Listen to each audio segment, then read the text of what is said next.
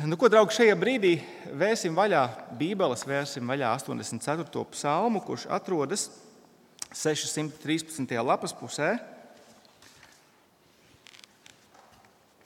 Un lasīsim kopā to 613. lapas pusē. 84. psalms.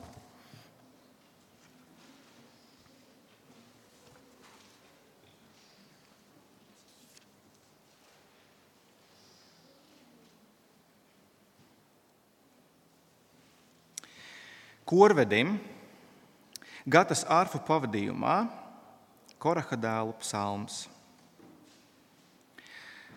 Cik jauki ir tava mājokļi, pulka kungs! Mana dvēsele augst un vārkst pēc kunga pagalmiem, mana sirds un mana miesa gavilē dzīvajam dievam. Par putns rod mājas un bezdelīga līgstu, lai perētu putnēnus pie taviem altāriem, pulku kungs, mans ķēniņš un Dievs. Svētīti, kas tavā namā mīt, un allaž slavē tevi. Svētīti ļaudis, kuru spēks tevī tempļa ceļš viņu sirdīs. Kad tie nāk cauri balzamkoku ielai, tā izved avotus, to svētībā ietin lītavas. Tie dodas no spēka pie spēka, līdz visi stāv Dieva priekšā ciānā.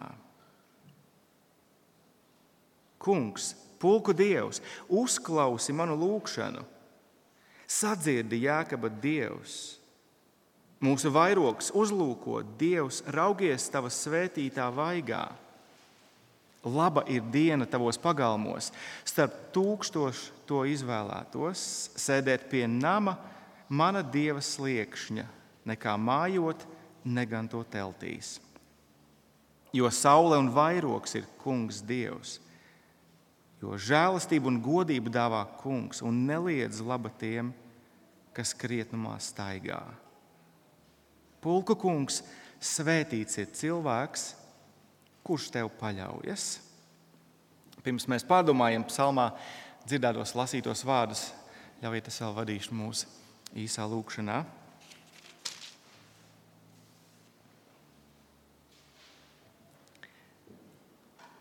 Labais debes Tēvs, mēs Tev no sirds pateicamies par Tavu vārdu, kas būtiski mudina mūs ilgoties un augt pēc Tevis, pēc Tavas klātbūtnes, pēc Tavas svētības, pēc Tavas žēlastības.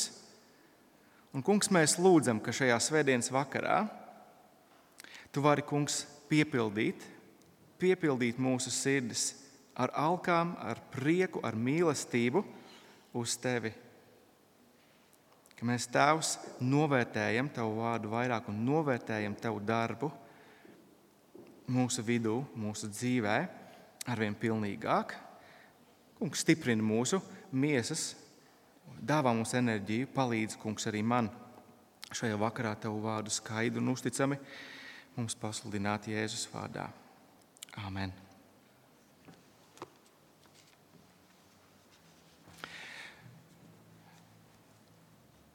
Vai tu jebkad esi bijis tā ritīgi noilgojies pēc mājām? Droši vien, kad atsauktu prātā kādu situāciju, to atminētos. Iespējams, tas ir tāds ieildzis ceļojums, kurā kaut kas noiet greizi, un tas pilnīgi visu sabojā, un tu ilgojies pēc mājām. Vai, vai iespējams, tā ir nometne ar, ar, ar dažiem izdzīvošanas elementiem, ekstrēmos apstākļos, un vienā brīdī tu saki, viss, es, es gribu, es ļoti gribu mājās. Man liekas, ka mūsu manas un manas sievas, eh, jāsaka, dzīvē viens no tādiem punktiem bija mūsu divu gadu eh, ilgušais prombūtnes laiks Anglijā mācībās. Vienā brīdī mēs sapratām, ka mēs tik ļoti gribam mājās. Mēs gribam atpakaļ uz Latviju. Tur ir mūsu ģimene, tur ir mūsu draugi, tur ir, tur ir draugi, tur, ir, tur mums gaida kalpošana.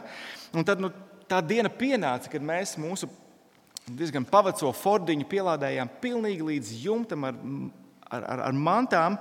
Un mēs devāmies divu nedēļu ilgajā ceļojumā ar dažām pieturvietām pa Eiropu atpakaļ uz Latviju. Paldies Dievam, mums nenotika nekas slikts ceļā, bet īstenībā varēja notikt. Jo tad, kad mēs atbraucām atpakaļ, Rīgā un iedavām mašīnu pārbaudīt servisā, meistars teica, ka mēs esam visu Eiropu izbraukājuši ar vienu riteni, kurš ir bijis teju kantains. Es pat negribu iedomāties, kas būtu noticis, ja mēs kaut kur naktī polijā pēkšņi noplīstu, bet bija tik labi beigu beigās būt mājās. Daugi, mūsu šī vakara psalms ir par ceļinieku, un šis ceļinieks arī ir ļoti, ļoti noilgojies būt mājās. Bet mājas, pēc kurām viņš ilgojās, tās nav parastas mājas, parastā pilsētā. Nē, tas ir, tas ir kunga dieva mājas. Tas ir Jeruzalemes templis, Jeruzalemes pilsētā. Tas, vai viņš reāli dodas ceļā uz Jeruzalemi, vai, vai šis ceļojums ir vienkārši viņa, viņa sirdī, viņa ilgās, tas paliek atvērts jautājums. Bet viens ir skaidrs, viņš ļoti, ļoti grib būt kopā ar Dievu. Un šajā vēlmē kopā, būt kopā ar Dievu, viņš atzīst, viņš pasludina, ka viņš ir svētīts. Tā ir svētīta cilvēka pazīme vēlēties būt kopā ar Dievu. Un es jau pašā sākumā vēlos, lai mēs ieraugām, kādā veidā eh, šis psalms attiecas uz mums. Jo atzīsiet, nevienmēr ir viegli šos psalmus tā, tā tūlītēji izjust un attiecināt uz sevi. Jo mums nepiemīt šis sentiments par un ap Jeruzalemes templi vai, vai, vai, vai to, kas ir atlicis no Jeruzalemes tempļa mūsdienās, rauda mūris, vai altāriem, vai putnu ligzdām, tā um, tempļa korēs, pažobelēs Mums nepiemīt šis sentiments. Tad, ko mums nozīmē nostāties līdzās Koraha dēliem viņu dziesmā šeit? Ko mums tas nozīmē? Un ļaujiet man nākt klajā ar, ar versiju. Jaunās derības ticīgajiem ilgoties pēc kunga mīļotā nama, kā mēs lasījām, nozīmē ilgoties būt draudzē, ilgoties būt starp dieva ļaudīm. Jo redziet, līdz ar kunga Kristus nākšanu, Dieva templis, Dieva mājas, pat Dieva maisaimniecība ir dzīvā Dieva draudzene. Pirmā korintiešiem, trešā nodaļa, jūs iespējams atminaties vēl no pagājušā gada Pāvila vārdus, ieklausieties, vai jūs nezināt, ka esat Dieva templis un ka Dieva gars mājo jūsos? Mēs sakām, mēs zinām. Un 1. Timotejam 3. nodaļā, 15. pantā, Pāvils runā uz šo jauno mācītāju. Viņš raksta viņam, lai, lai, lai Timotejs zinātu, kā rīkoties, kā būt dieva namā, burtiski mājasemniecībā. Un tad mēs lasām šos Pāvila vārdus, jo šis nams ir dzīvā dieva draudzene, patiesības balsts un pamats. Cēnieks mūsu psalmā viņš dikti ilgojas būt kunga namā. Un tas, par ko mums šodien būs jādomā, vai mēs jūtamies līdzīgi, vai mēs jūtamies tā attiecībā uz draugu. Cik lielā mērā tavas ilgas, tavas alkas, tava visa būtne pastāvīgi vēlas būt starp dieva ļaudīm. Jā, e, es zinu, es zinu, šis salīdzinājums pirmajā brīdī izklausās nedaudz pārvērtēts. Ja draudzene tik daudzajā ziņā ir nepilnīgi šajā pasaulē. Draugi, gan mūsu pašu grēcīgums, gan citu cilvēku grēcīgums, draudzē, mums citreiz neļauj saskatīt to, cik tā īstenībā ir dārga, cik tā ir mīļa un vērta, cik labi īstenībā ir būt draudzē. Kādreiz mēs to nespējam ieraudzīt? Pēc šīs runātājas psalmā šis ceļinieks grib, lai mēs ieraugam tieši to ka draudzene joprojām ir labākā vieta, kur būt šajā pasaulē. E, ielūkoties 11. pantā, ātri mūsu psalmā, tiešām, tiešām viena diena tavos pagalmos ir labāka nekā tūkstoši citur. Es paņēmu, aizņemos veco tulkojumu šajā brīdī. Viena diena tavos pagalmos ir labāka nekā tūkstoši citur. Esot draudzē un kopīgā ceļā pie Dieva, pat ceļš cauri grūtiem laikiem, cauri raudu ielai, pārvērtīsies par svētību avotu. Un tāpēc, draugi, psalmists rāda mums piemēru šodien.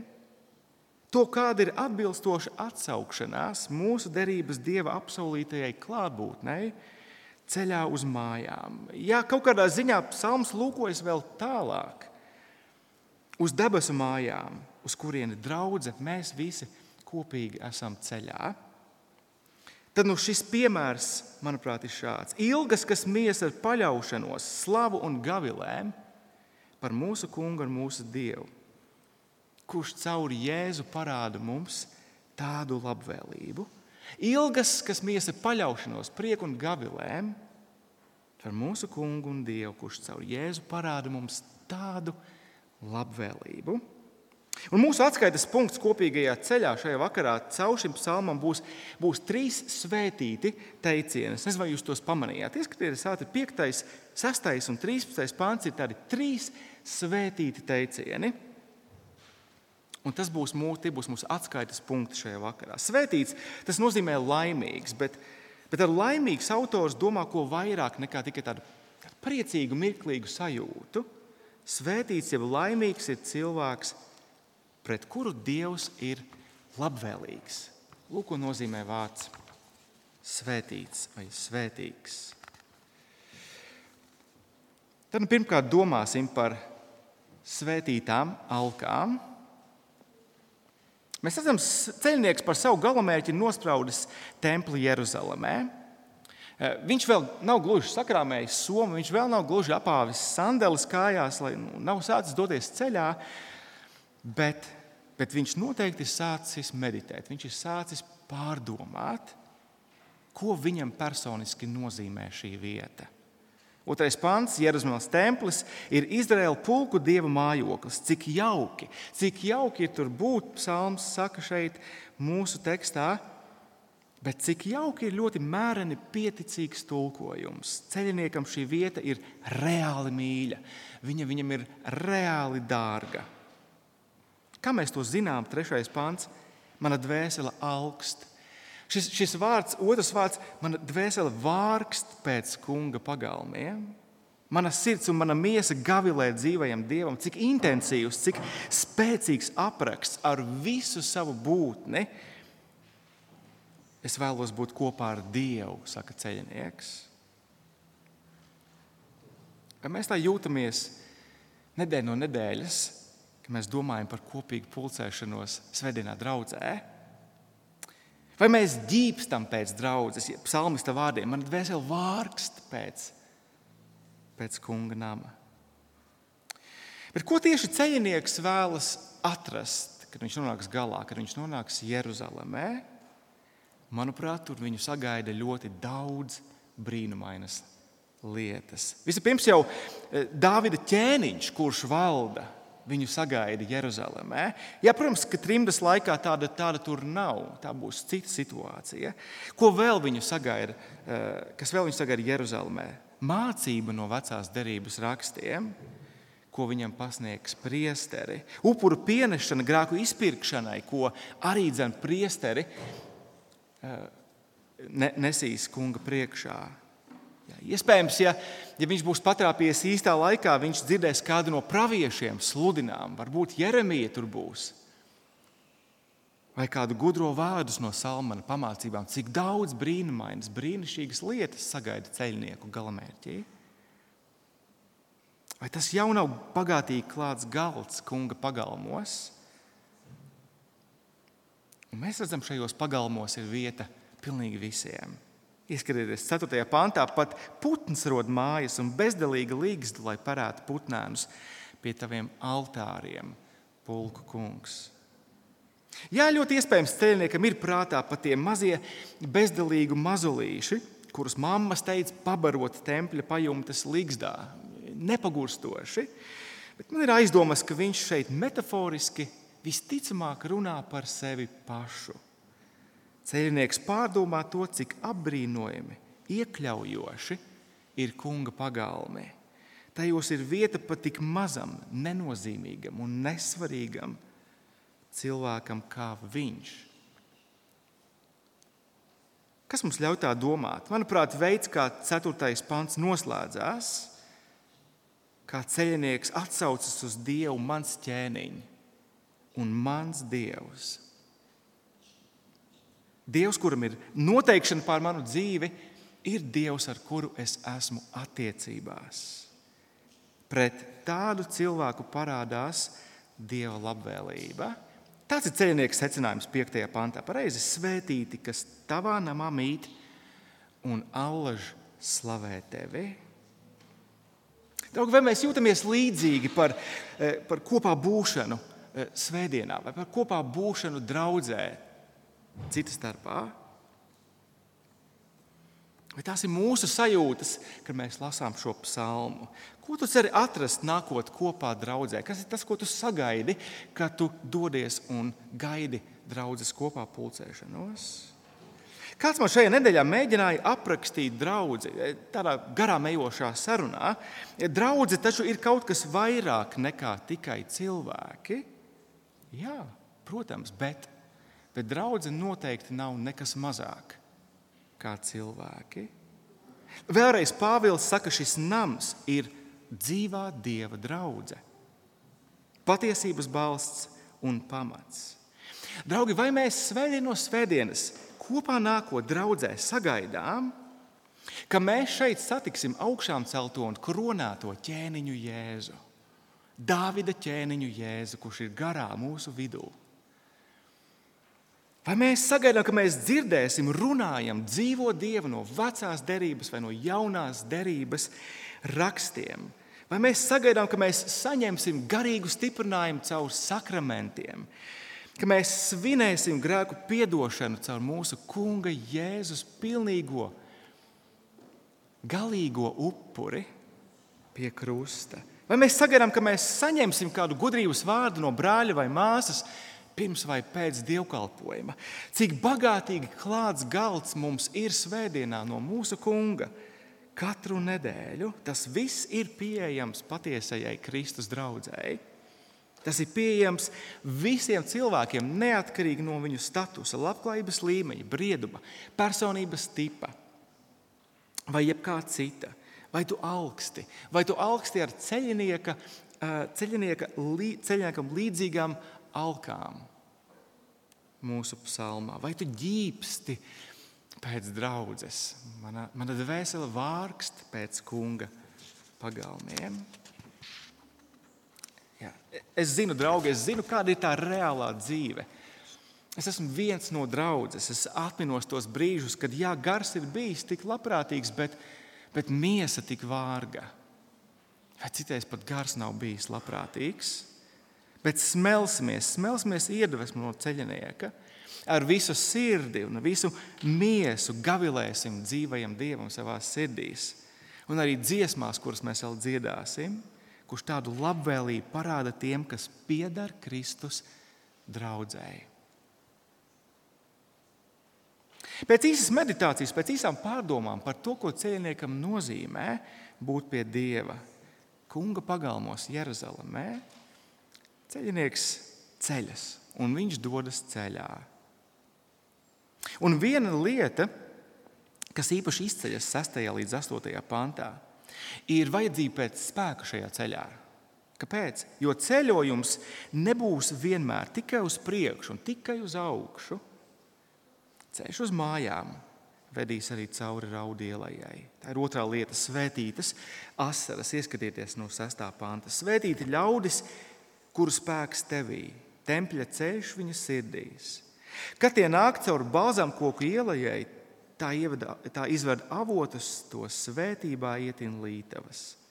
Tie dodas no spēka pie spēka, līdz visi stāv Dieva priekšā Cijānā. Kā jau mēs minējām, iespējams, jā, iespējams ceļnieks nemēro reālus kilometrus uz ezelīšu muguras, bet gan dodas ticības ceļojumā. Kāpēc? Sastais pāns - svētīti ļaudis, kuru spēks tevī tempļa ceļš viņu sirdīs. Iespējams, šis ir ticības ilgu sirdī ceļojums. Bet tādi cilvēki sasniegs gala mērķi. Jā, iespējams, Jeruzalem ar kunga tempļa pagalmiem, bet ļoti iespējams, ceļinieks raugās vēl daudz tālāk. Viņš raugās uz Dieva klātbūtni debesu pilsētā. Cijāna ir nosaukums gan zemes, gan īstenībā arī debesu pilsētai, debesu Jeruzalemei. Bet, draugi, ja ceļnieka vārdi šeit galvenokārt ir metaforiski, tad mums nevajadzētu būt grūtībām to saprast. Vai ne? Mēs neblandāmies apkārt pa šo pasauli kaut kā bezmērķīgi. Mēs nedriftējam. Tā vietā mēs katru dienu, mēs katru dienu esam arvien tuvāk mājām. Es nezinu, kam pieder šie vārdi, bet, bet parafrāzējot tos, no brīža, kad cilvēks piedzimst, viņš sāk mirt. Ja, ja, ja psalmista vārdiem viņš ceļo ar vien tuvāk savām debesu mājām. Un kāda tad ir psalmista pieredze šajā ceļā, šajā ceļā uz savām mājām? Septītais pāns. Šis ceļš neizbēgami vedīs cauri balzām koku ielai. Neviens tā īsti arī nezina, kas tā pa ielai, kur viņa atrodas, bet par šīs ielas nozīmi, ko nozīmē šie vārdi, strīdu nav. To dēvē arī par asaru ielēju. Padomāsim, vai tieši šāda arī nav mūsu pieredze ceļā uz debesu mājām? Jā, ir tik daudz svinamu un priecīgu brīžu un notikumu mūsu dzīvē, bet vai cik ātri, cik bieži, cik regulāri tie mijās ar, ar asarām, ar sēru pieredzi mūsu dzīvēm? Un tas mums tik sāpīgi atgādina pareizi, ka mēs vēl neesam mājās, bet gan mēs atrodamies šajā grēka salauztajā patversmē, pagaidu patversmē, zeme. Mēs taču jau tagad ejam tam visam cauri. Tagad mēs esam vecumā, kurā mums būs jāsāk vairāk rūpēties par saviem vecākiem, viņu, viņu vecuma nespēka dēļ.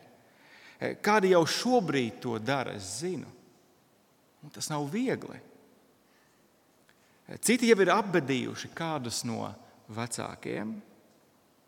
Mūsu ceļš neizbēgami ved cauri asaru ielai. E, mūsu jaundzimušie varbūt ar kādiem veselības sarežģījumiem. Tas tik ātri mūs noved asaru ielā. Un Dievs viens zina, kas vēl mūs sagaida mūsu kopīgajā ceļā, kā draugi, ceļā uz mājām. Bet viens ir skaidrs, ar tik daudz augošiem bērniem un pusaudžiem šis ceļš nebūs garlaicīgs. Viņi mācīs mums, kā palikt uz ceļiem, kunga priekšā. Pat ja mēs iesim cauri asaru ielai. Bet, draugi, vēl svarīgāk par ceļinieka asaru ielas pieredzi ir īstenībā viņa pārliecība šajā ceļā. Ieskatieties 7. un 8. pantā. Kad tie nāk cauri balzām koku ielai, cauri asaru ielai, tā izvērd avotus, to svētībā ietin lītavas. Tie dodas no spēka pie spēka, līdz visi stāv priekšā, stāv Dievu priekšā, Cijānā. Ko psalmis šeit pasaka? Viņš pasaka, ka paturot prātā godības pilno gala mērķi, ceļš pat cauri asaru ielai, kunga spēkā būs pilns ar svētībām. Atkal, draugi, es gribu, lai mēs ieraugam, cik ļoti, ļoti liela loma šeit ir mūsu kopībai, draudzēji. Tu neesi vientuļš ceļinieks savā laivā, ceļā uz debesīm. Ja tu raugies uz sevi un savu kristiešu dzīvi šādi, tad tu, tu, tur visticamāk ir zināmas lepnības pazīmes, un tas nav nekas labs. Nē, ceļā uz savām debesu mājām mēs ceļojam vienā laivā, visi kopā. Vai ceļš tik tuvu plecu pie pleca vienmēr būs viegls? Nē. Mēs zinām, mēs pamanīsimies arī viens otru draudzē ievest šādi tad asaru ielā, ja vēl tas nav noticis. Bet, draugi, arī tur, arī tur kopīgajā ceļā mēs joprojām esam kopā. Mums var kādā brīdī nepatikt, ko otrs pasaka vai nepasaka, ko otrs izdara vai neizdara. Mums tas var nepatikt, bet dienas beigās mēs šeit esam Dieva ielikti ceļinieki kopā uz savām debesu mājām. Tā ir tā lielā patiesība. Vienmēr paturēsim prātā šo mūsu kopīgo gala mērķi savā sirdī, pat tad, kad šis ceļš ved cauri asarielai. Mēs, šeit, mēs esam kopā. Un tad, kad šis ceļš iet cauri asaru ielai, un mēs esam kopā, kungs spēja pārvērst to par svētībām.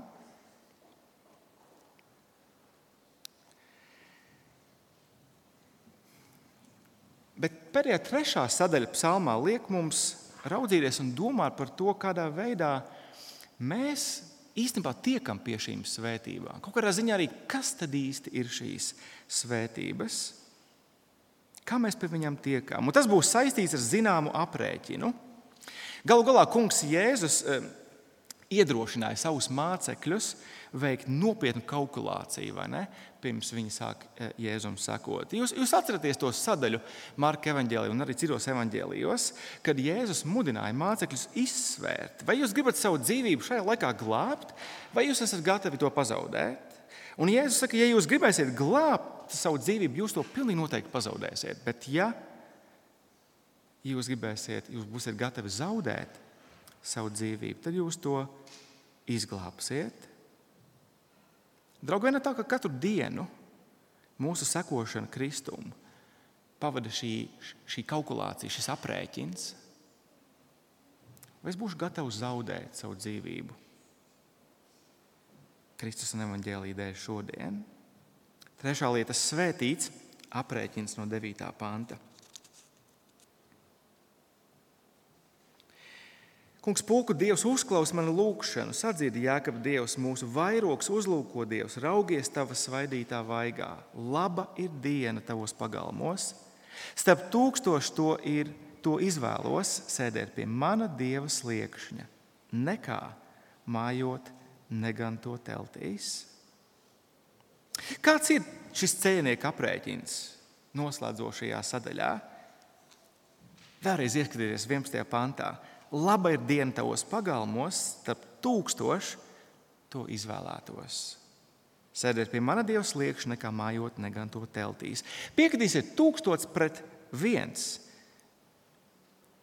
Šī, šī attiecība ir vērā ņemama. Un psalmis šeit ir izdarījis savu izvēli. Viņš ir izsvēris, viņš ir ieraudzījis, viņš ir aprēķinājis un viņš ir izdarījis savu izvēli kunga pagalmi. Bet, protams, ka šo piemēru īsti tā nevar noreducēt līdz, līdz tādām vienkāršotām izvēlēm. Proti, divas stundas svētītā eh, svētdienā kunga teltī pret 42 stundām negantajās pozitīvas teltīs. Tā dzīvē gluži nenotiek.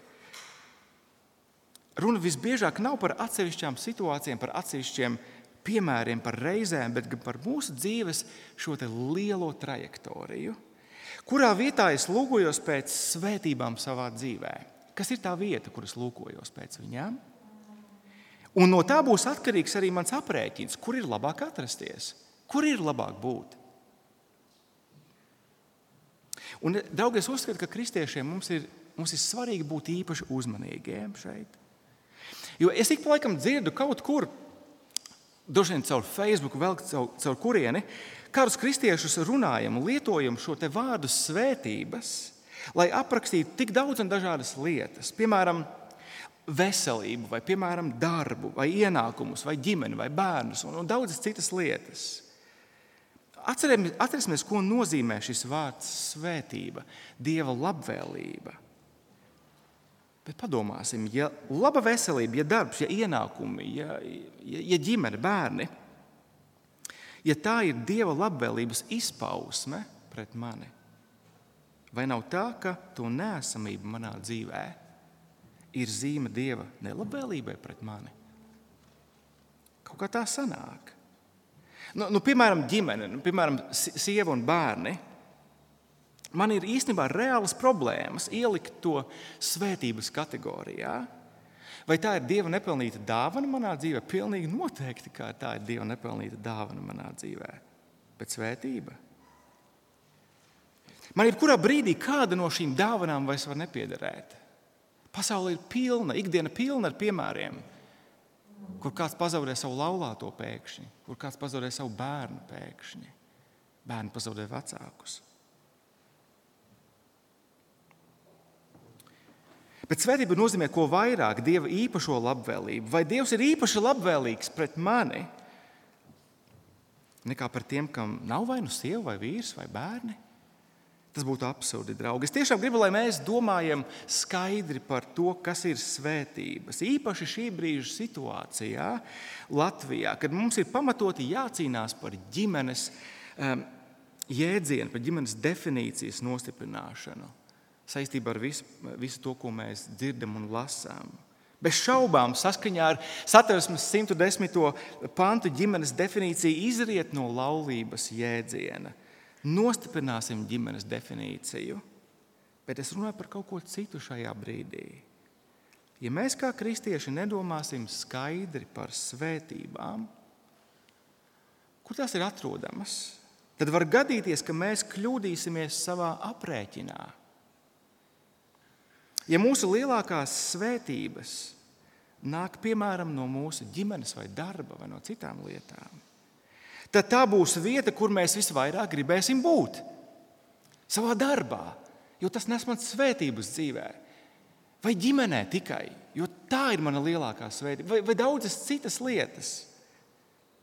Mēs varam sākt pasludināt vienā brīdī šīs labās lietas par savu vairogu, par savu svētību avotu.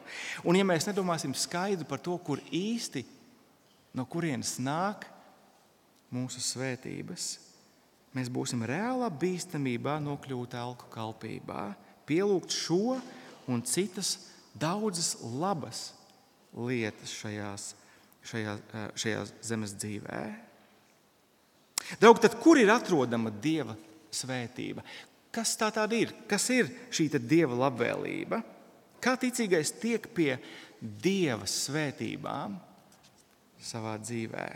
Lūk, arī pārsteigums mūsu psalmā. Šīs visas svētības ir rodamas dieva svaidītajā ķēniņā. Ieskatieties 9. pantā. Kungs, pulku Dievs uzklausa manu lūgšanu, sadzirdi jēkaba Dievs, mūsu vairogs, uzlūko Dievs, raugies tava svaidītā vaigā. Raugies tava svaidītā vaigā. Ceļinieks lūdz Dievu par ķēniņu. Viņš lūdz par ķēniņu, jo viņš ļoti labi zina, ka viņa labklājība, viņa drošība, viņa saule, viņa vairogs būs atkarīgi no Dieva un viņa ķēniņa attiecībām. Izraēla vēsturē viss bija ļoti vienkārši un skaidrs. Ir tik daudz piemēru, ka ķēniņš ir labs, kad, kad Dievs ar labvēlību uzlūko ķēniņu. Visai tautai klājās labi, bet kad, nav, kad Dievs nav labvēlīgs ķēniņam, ka ķēniņš nav labās attiecībās ar Dievu, kā piemēram tās bija manas vecajā derībā, tad visai tautai klājas ļoti, ļoti bēdīgi. Bet, draugi, mums šodien mums ir ķēniņš, kurš ir nevien labs, viņš ir, viņš ir izcils, viņš ir brīnumains. Mūsu ķēniņš Jēzus ir brīnumains. Viņā ir mūsu labklājība, viņā ir mūsu drošība. 12. pants Dievs Kristū neliedz mums pilnīgi neko labu. Viņa vaigā atspīd dieva godības atziņas gaisma. Viņā ir rodamas visas garīgās svētības debesīs. Padomājiet, Kristū no viņa nāk visas mūsu svētības. Kristū mēs esam Dieva izredzēti no mūžības attiecībām ar, ar mūsu tēvu. Caur Kristu mēs esam adoptēti Dieva mīļotu bērnu ģimenē, draudzē. Kristus asinīs ir mūsu grēku piedošana. Kristū mēs esam saņēmuši svēto garu, kas garantē mums vietu dārgajās dabas mājās, uz kurām mēs kopīgi esam ceļā. 13. pāns ceļinieka secinājums: Pulku kungs, svētīts ir cilvēks, kurš paļaujas. Kurš paļaujas uz kunga svaidīto, uz ķēniņu, uz kuru kungam ir labs prāts. Un visbeidzot, draugi, caur Kristu mēs esam piepildīti šim svētceļnieku pulkam, šai debesu draudzēji. Tā kopīgi gavilē par savu kungu, par savu dievu, pat ejot cauri asaru ielai, tā rodas svētības, jo kungs ir viņu stiprums. Tāpēc tie, kas pieder draudzēs, zina, ka viens vakars Dieva klātbūtnē ir labāk nekā tūkstoši vakari jebkur citur.